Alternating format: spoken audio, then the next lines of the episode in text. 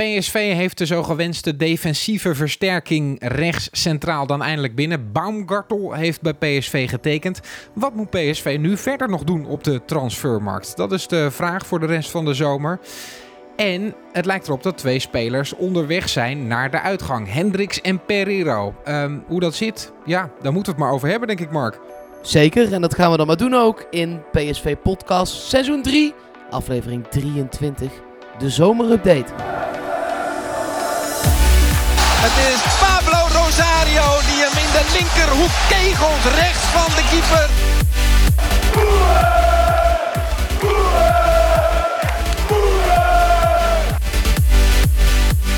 Daar is dat jagen van Lozano dus heel erg goed. 2-0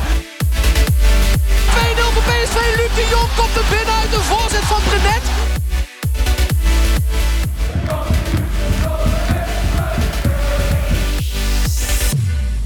Met uh, Mark Versteden natuurlijk. Ja, en uiteraard ook met Yannick Eeling.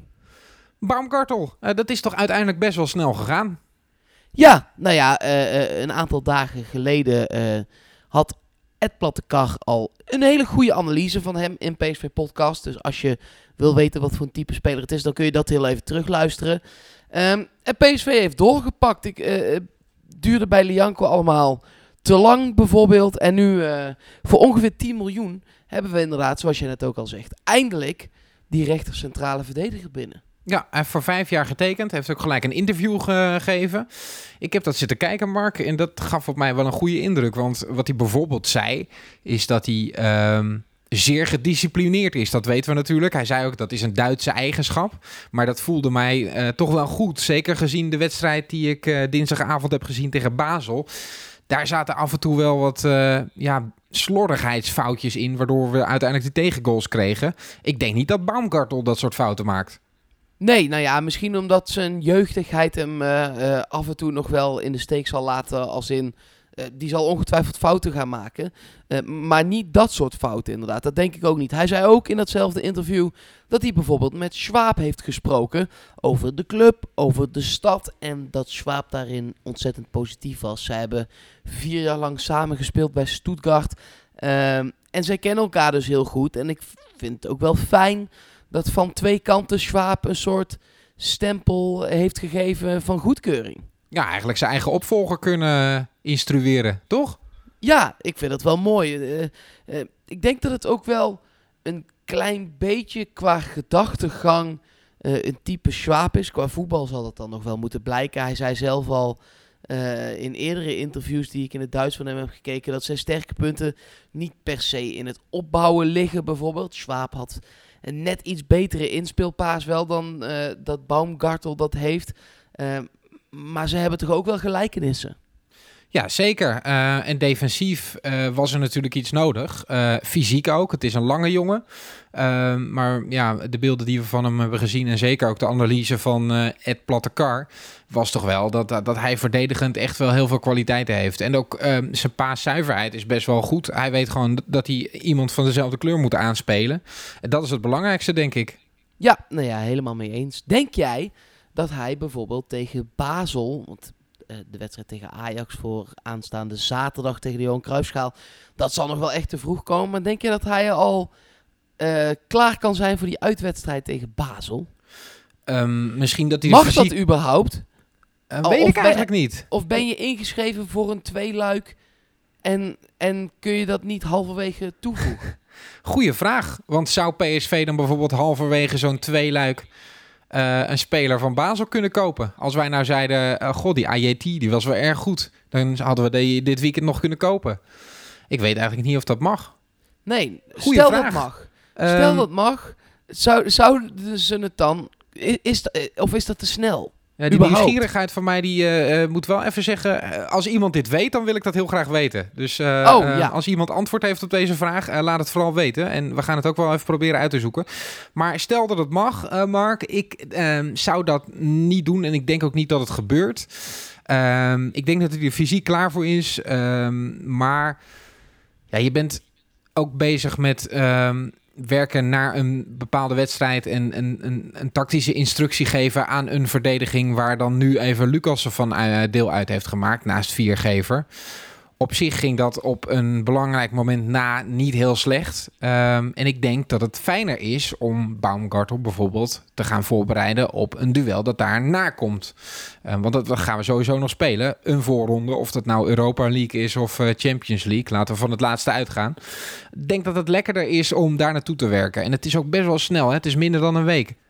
Ja, nee, uh, zeker weten. Dus uh, ik hoop dat, kijk, hij is al fit. Hij heeft gewoon voorbereid bij Stuttgart. Dus in principe is het alleen automatisme toepassen. Dus als het mag, ja, ik zie het dus wel gewoon gebeuren dat hij volgende week gewoon al netjes op het veld staat. Ja, maar stel dan dat het fout gaat via hem. Ja, maar ja, maar ja als je daarvan uit moet gaan, kun je nooit meer iemand opstellen. Nee, ja, dat klopt. Maar dan is het zijn eerste wedstrijd. En dan gaan we allemaal zeggen, ja, dat was wel erg vroeg. Ja, ja dat klopt. En uh, um, ik... ik... denk dat als je dat in een wedstrijd erna doet, dat je dat dan niet hebt. Uh, ik zou me niet door angst laten regeren, maar ik denk gewoon dat het slimmer is. Ja, nou, Van Bommel heeft dat bij Lato bijvoorbeeld gedaan. En ik dacht dat die ook ging spelen. Uh, en dat werd Sadilek. Ik ben heel benieuwd of Lato dan bijvoorbeeld tegen Basel wel ook gaat spelen. Ja, of dat hij komend weekend gaat spelen tegen Ajax. Dat zou natuurlijk ook kunnen. Ja, want daar gaan we het in de podcast van morgen, in de podcast van vrijdag, uitgebreid over hebben, over die wedstrijd. Uh, wie wij vinden dat er moet spelen.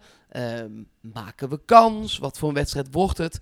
Uh, dus laten we dat dan morgen uitgebreid eh, gaan analyseren. Absoluut. Ehm, nou hebben we de eh, top prioriteit qua positie wel binnen. Want we zochten echt nog wel zo'n rechter centrale verdediger. Zeker gezien het vertrek van Schwab natuurlijk. Is PSV dan nu klaar op de transfermarkt? Als het nu zo bij elkaar blijft? Nou, uh, dat zou ik niet willen zeggen. Zeker niet omdat we het zo meteen ook nog gaan hebben over twee spelers die dan waarschijnlijk wel richting de uitgang aan het gaan zijn. Moet je daar dan nog vervangers voor halen of niet? Uh, ik denk wel dat iedere plek in het elftal voor nu is opgevuld. En dat we geen grote 10 miljoen transfers meer hoeven te verwachten. De naam van uh, bijvoorbeeld Fernando Calero uh, kwam ook nog boven de drijven. Ik denk niet dat we zo'n speler dan ook nog moeten verwachten. Ik denk dat je misschien nog wel wat breedte investeringen kunt verwachten. Hè. Die linksback uh, zijn ze nog steeds achteraan, die Amerikaan. Uh, maar, ja, Kloster inderdaad, die in Duitsland speelt ook. Um, daar zijn ze nog wel achteraan aan het gaan. Maar dat, is meer voor de toekomst en voor de breedte. Uh, ik denk echt dat de diepte-investeringen voor nu er wel op zitten. Uh, denk je niet? Nou ja, ik denk, ik denk dat ook hoor. weet je, als je het nu zo bij elkaar hebt, dan heb je alle posities wel uh, dubbel bezet. Op die linksback-positie na dan. Uh, tenzij je Boscanli als linksback zou zien. Maar dan heb je viergever weer geen achtervang voor. Dat is overigens een prima oplossing hoor. Dat je daar één man voor hebt voor twee posities. Um, dus wat dat betreft zit PSV uh, nu met een lekkere selectie. Dat, dat zit wel goed. Maar ik ben gewoon heel benieuwd wat er nog gaat gebeuren. En of PSV daar dan heel actief op moet gaan reageren. Er zijn twee spelers waar uh, nu iets rond lijkt te spelen. Bij Pereiro speelt er sowieso iets. Want PSV heeft ge gezegd dat er een akkoord is met Spartak Moskou. Van Bommel heeft dat ook toegegeven. Maar ja, die transfer lijkt dan weer afgeblazen te zijn door de zaakwaarnemer van Pereiro. Dat is niet de ja, makkelijkste man. Ja, waar hebben we dat eerder gezien? ja, um, die uh, transfer is al een paar keer afgeblazen geweest uh, voordat hij naar PSV ging ook. Uh, dat, dat was een heel moeilijk transferproces. Daarvan heeft Marcel Brands meerdere keren aangegeven dat dat echt wel de grootste uitdaging is geweest op transfergebied die hij heeft gehad. Om Pereiro binnen te halen. Ja, het lijkt nu wel ook weer een heel moeilijk verhaal te gaan worden. Of hij aan het pokeren is en of er bij, die, bij dat pokerspel ook nog inzet is dat hij nog twaalf maanden bij PSV blijft en daarna transfervrij de deur uitloopt. Dat is wel echt de grote vraag aan het worden, Mark. Ja, Paco Casal, zo heet die zaakwaarnemer van Pereiro. En dat is wel een man. Uh, ik weet niet of hij hier zich nou zo populair mee maakt bij clubs. En ik weet dan ook weer niet of het clubs zoveel uitmaakt. Als ze een goede speler kunnen binnenhalen, zullen ze dat altijd doen, ongeacht de zaakwaarnemer uh, en de hoogte van zijn irritatiefactor. Maar ik, ik zou hier in de basis als club toch eigenlijk al geen zin meer in hebben. Nee, maar ja, dat heb je met Mino Raiola ook. En die heeft ook echt een enorme stal aan spelers. Dus ja, ja staat nee, ja, ook niet altijd positief op bij uh, sommige clubs. Nee, nee, nee, maar precies wat ik zeg. Als je een speler wil hebben en dat is nou eenmaal de zaak waarnemen, doe je het toch. Maar de- deze man maakt het nog wel echt een stuk bonter dan Mino Raiola. Het lijkt wel of hij het gewoon bepaalt en Pereiro daar maar naar moet luisteren. Alsof de speler gewoon helemaal niks heeft in te brengen. Dat vind ik wel heel gek. Kijk, eh, het is heel moeilijk om er nu iets over te zeggen, want we weten niet wat er nog met andere clubs speelt. Eh, wellicht dat die, die clubs tegen elkaar aan het opzet is. Eh, wellicht dat hij een, een, een deel van het geld zal krijgen. Ehm, ja, en, en ik vraag me gewoon heel erg af of zij ook nog in gedachten hebben dat hij 12 maanden bij PSV blijft. Want ik ben echt bang dat hij dan gaat verpieteren. En dat lijkt me voor Pereiro zijn, eh, zijn, zijn persoonlijke waarde ook niet echt heel goed. Nee, hij was nu 15 miljoen waard. Eh, ja, als hij nog een jaar blijft zitten is het nul. Dus dat is toch 15 miljoen. Wat je dan even niet binnenhaalt, ook als PSV zijnde. Dus eh, ja, dat is wel een lastige situatie. Kijk, het is logisch dat PSV hem zal willen proberen te verkopen. Er is ook een akkoord Ja. al met eh, Spartak Moskou. Voor 15 miljoen gaat PSV hem echt van de hand doen.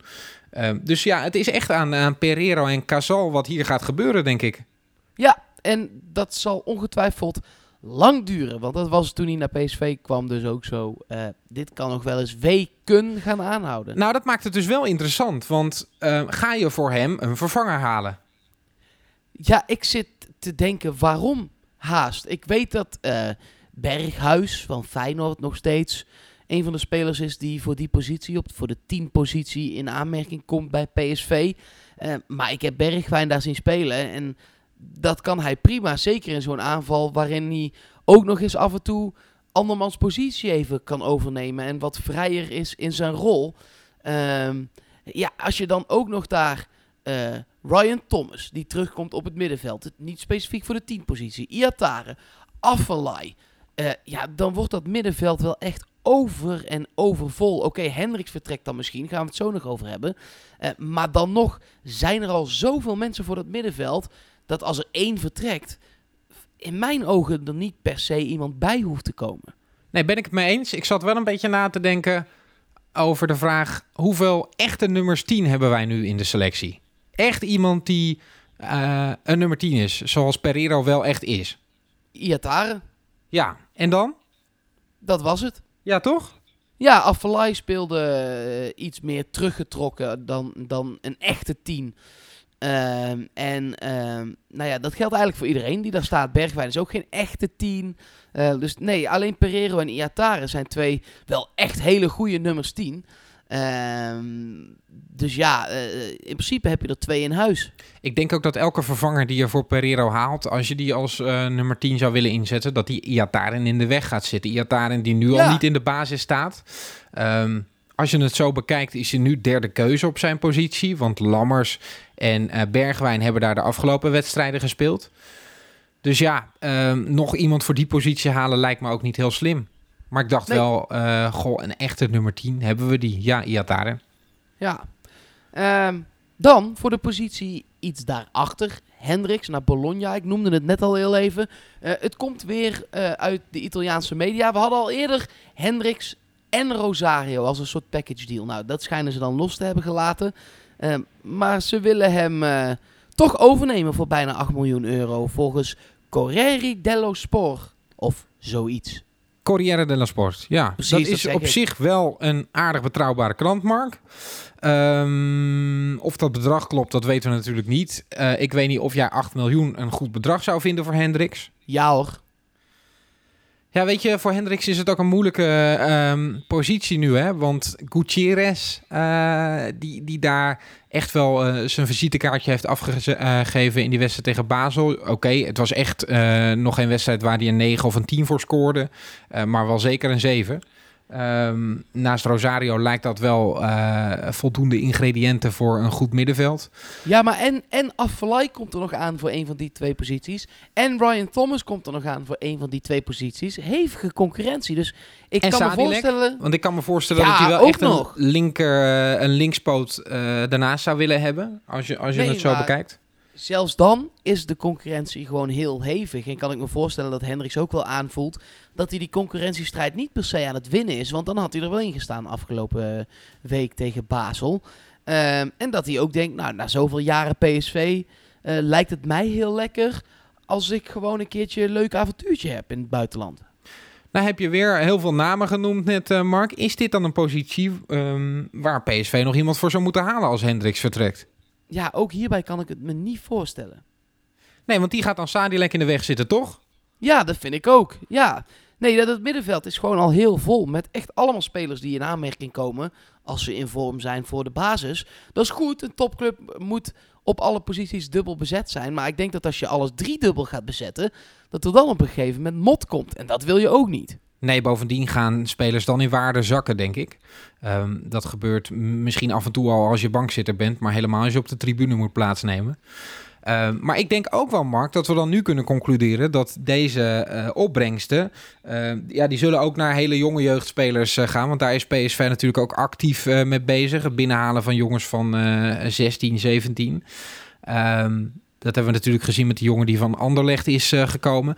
Maar dat ja. er ook een deel van die opbrengsten naar een eventuele oorlogskas zouden kunnen. Voor als PSV onverhoopt iemand nodig zou hebben. Dat is iets waarvan Gerbrands heeft gezegd dat hij dat graag wil bij PSV.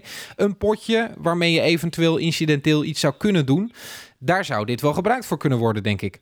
Ja, dat denk ik ook. Ik weet niet of ze daar per se ook meteen het spelersbudget uh, uh, voor gaan verlagen dan, zeg maar. Als er nu iemand moet komen, zullen ze dat echt wel doen. Uh, maar mocht het overblijven en Verbommel is tevreden en John de Jong is tevreden, dan kan het geld prima naar een verbouwing van een hertgang. Die is dan nu klaar. Of inderdaad, zo'n, zo'n, zo'n zoals jij het noemt, oorlogskas. Ja, nou, dat lijkt me een uh, hele goede zaak. Dus uh, wat dat betreft prima beleid. Uh, en, en, op een bepaald moment zal pak een beetje Dumfries ook vervangen moeten worden. Viergever heeft misschien ook niet het eeuwige leven in het centrum van de verdediging. Um, ja, en, en van die jongens die voorin misschien nog vertrekken, Lozano en Bergwijn, ga je natuurlijk een financiële klapper maken, is de verwachting. Um, en dan kun je daar met dat geld weer een vervanger halen. Dus ja. op zich wel een aardige uitgangspositie voor PSV zo. Zeker weten. Um, nog een paar kleine dingen waar we wel heel even snel doorheen kunnen. Um, dit is al van een aantal dagen geleden. Maar we wilden heel graag uh, in de vorige podcast van gisteren alleen de wedstrijd PSV Basel analyseren. Dus dat hebben we gedaan. Uh, dus bijvoorbeeld is het nieuws blijven liggen dat Verret voor drie seizoenen naar Waasland Beveren is gegaan. Nou, dat lijkt mij goed, want die kwam bij PSV niet aan spelen toe. Um, en is dus naar België vertrokken. Dat lijkt me prima, toch? Ja, het enige wat bij mij op een netvlies is blijven staan... is dat hij die wedstrijd tegen RKC heeft gespeeld. Ja, nou en precies. dat was niet En altijd was positief. dus dat is wel vervelend dat hij op die manier vertrekt. Uh, want zo blijft Ja. hij toch in gedachten bij mij. Um, dan een andere speler die wel langer in Eindhoven blijft. Dat is Sadilek. De Tsjechische middenvelder heeft verlengd tot 2022. Met een optie nog voor een extra jaar in dat contract. Dat is een prima zaak. En dat brengt mij op eigenlijk het enige wat nu nog moet gebeuren uh, aan de selectie. En dat is dat Malen nog moet tekenen. Dat zou fijn zijn als dat nu een keer uh, ging gebeuren. Even een Als ik- reminder. Misschien dat het komende weken nog in de agenda's kan worden gezet. Een uh, tekenafspraak voor Malen. Maar goed, we weten uh, wat de stand van zaken is. Um, eigenlijk iedereen geeft aan dat het goed komt. Dus uh, dan gaan we daarvan uit. Ja, um, en dan nog één klein dingetje. Ik heb uh, gisteren geroepen dat PSV met 2-0 mag verliezen. Maar dat is natuurlijk niet zo tegen Basel. Dat is met 1-0, want uit doelpunten. En ik was even in the heat of the moment, letterlijk, want het is bloedheet nog steeds. ja, Uh, gewoon even verkeerd gerekend. ja dus zeker. Uh, Zo gaan nou, die ja, dat dingen. kan gebeuren. Het is nog steeds een uh, gevaarlijke uitslag gewoon, die, uh, die 3-2 overwinning. Ook al is het dan een overwinning. Ach. Uh, ja, maar 1-0 is wel... Uh, ja, hè? Ja joh, maar PSV gaat er altijd doelpunten maken. Dat denk ik ook. Uh, maar 2-1 ben je er ook nog niet, Mark. Nee, nee, nee, dat is waar. PSV, maar PSV gaat altijd doelpunten maken. Dus dit komt, dit komt helemaal goed. Dan wordt het een verlenging 3-2. Nee, geintje. We gaan daar oh, gewoon, uh, we nee, gaan daar gewoon heb door. ik echt geen zin in. Um, nog één iemand die ik uh, nog heel even kort wil uh, bespreken. Want uh, voorafgaand aan deze transferperiode dacht ik dat hij zou komen. Zeker als Luc de Jong zou vertrekken. Uh, maar daar kan definitief een streep doorheen. Vincent Jansen naar Mexico. Ja, en uh, daar waren ze heel erg trots. Uh, hij is naar de club gegaan die ook al wel uh, flink aan het hengelen waren naar Luc de Jong. Um, en we wisten dus dat ze daar een spits nodig hadden. Nou, daar waar wij Vincent Jansen misschien nog wel als goede vervanging voor Luc de Jong zagen, zagen ze dat daar ook. Dus die komt inderdaad voor nu in ieder geval definitief niet naar PSV. Nee, kunnen we dat afsluiten. Um, En ook deze podcast, denk ik. En dan kunnen we ons gaan opmaken eh, voor die eh, voorbeschouwing op de wedstrijd tegen Ajax. eh, om des keizers baard. En daar staat dan ook nog een schaal tegenover als je die wedstrijd wint. Ja, de Ehm, fruitschaal. Precies. Ehm, gaan we dat morgen maar even uitgebreid analyseren van tevoren, toch? Ja, zeker. Tot dan. Tot dan. Hoi hoi.